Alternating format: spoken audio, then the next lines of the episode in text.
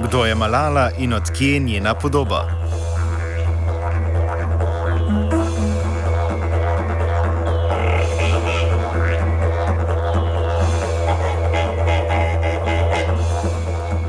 Ponovno je prišel tisti čas v letu, čas, ko imamo veselje izvedeti, kdo je prejel letošnjo Nobelovo nagrado za mir. To je tista izmed Nobelovih, ki naj bi bila najbolj prestižna in katera ujame največ pozornosti svetovne javnosti. Letošnja prejemnika sta kar dva in sicer Malala Yousafzai ter indijski aktivist Kailash Satyarthi, pri čemer se bomo danes osredotočili na prvo omenjeno Malalo, pakistansko 17-letnico, ki je postala najmlajša dobitnica nagrade. Konkurenco drugih kandidatov naj bi premagala svojim neumornim bojem za pravico do izobrazbe vseh otrok, s podarkom na deklicah, katerim je ta pravica bolj pogosto oduzeta. Ravno zaradi svojih aktivnosti na tem področju in slabega slovesa, ki se ga je s tem pridobila pri lokalno delujočih talibanih, je bila pri svojih 14 letih ustreljena ter poslana v Veliko Britanijo na zdravljenje in v svet slave. V treh letih je tako preživela potovanje od prej neznane pakistanske najstnice do Nobelove nagrajenke.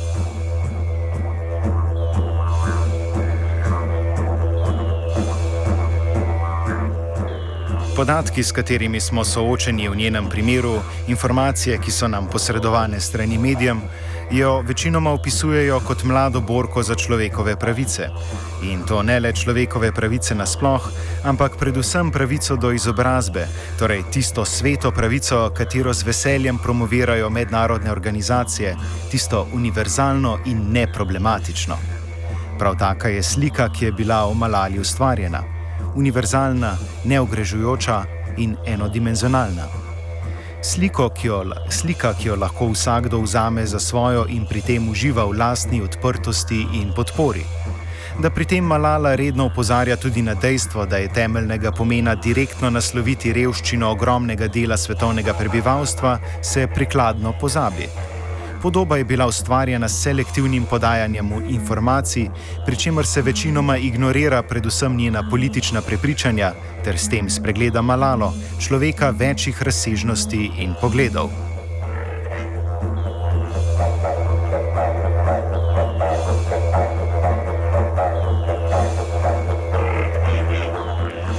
Malala seveda v tem procesu oblikovanja všečne podobe, ki poteka zadnja tri leta, ni bila predmet iz plastelina, ki ga lahko kar oblikujemo po svoji volji.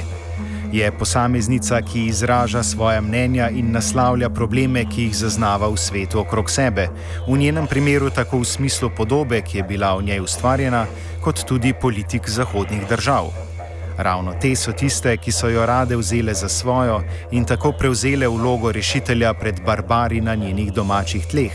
Istočasno pa ignorirale njene izjave o tem, da so prav politike, katerih se predvsem poslužujejo ZDA, tiste, ki v veliki meri podžigajo sovraštvo in ta necivilizirana in neobrzdana bitja ustvarjajo.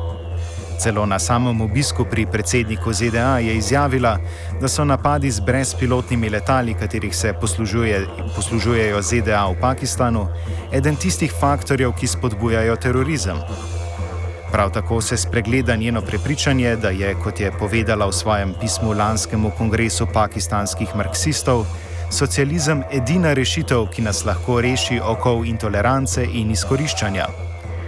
Ponovno se tako pokaže manipulacija z njeno podobo, iz katere je izuzeto vse, kar je videno kot problematično.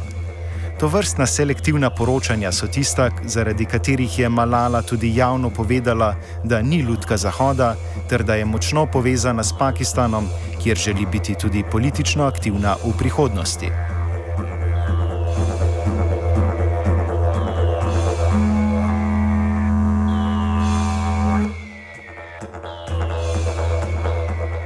Razlogov, zaradi katerih je Malala postala ikona, zgodba o uspehu v zahodnih očeh, je več. Gre za zgodbo, ki predvsem ustreza diskurzu boja proti terorizmu.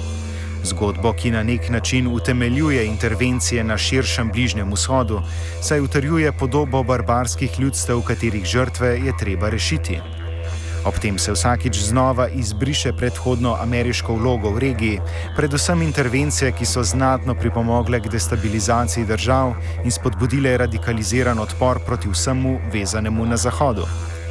Absolutna dvoličnost je jasna tudi iz primerov, ko je ameriška politična srednja soočena s primeri ljudi, katerih življenj niso razdrli talibani, ampak kar neposredno ameriško orožje. Pred ameriškim kongresom se je lani prikazala Nabila Rehman, deklica, katere babica je bila ubita v napadu ameriškega brezpilotnega letala, medtem ko je z unuki preživljala čas na polju na severozahodu Pakistana. Na pričanju v kongresu, katerega so se udeležili Nabila, njen oče ter brat, je bilo prisotnih le pet od 430 predstavnikov ljudstva. Dejanje, ki je ubilo članico njihove družine in zadalo poškodbe sedmim otrokom v vasi, pa nikoli ni bilo vredno razlage ali opravičila. Nabila je tako le ena izmed tisočev deklic, katerih življenja uničujejo vojaške akcije ZDA in jim je večinoma preprečeno podajanje lastne zgodbe, medtem ko je Malala postala svetovni simbol dobrega, simbol poguma in svobode.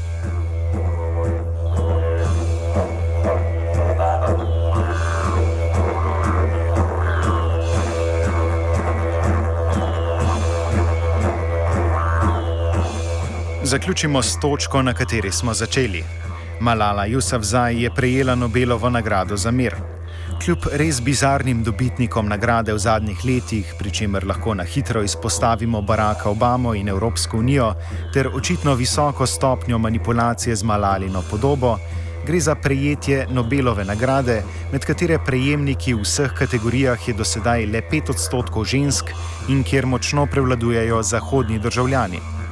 Njena zmaga je lahko več kot le del zahodne propagande v tako imenovani vojni proti terorizmu.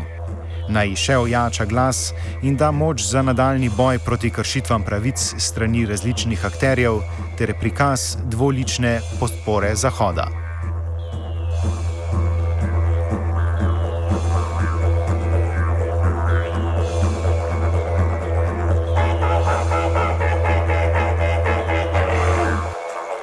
Ov komentar je pripravila Zala.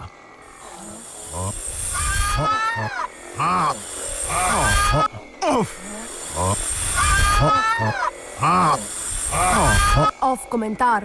Kako se recimo može nazvati to vreme, e, to vreme u, u kojem su uopšte i situacije u koje, u koje, u koje su predzeća i to sve skupa, da li je to socijalizam ili komunizam ili birokratija ili šta je, da li je? On me, on me postavi pitanje, Šta ja mislim šta je? Ja sam kazao da je socijalizam.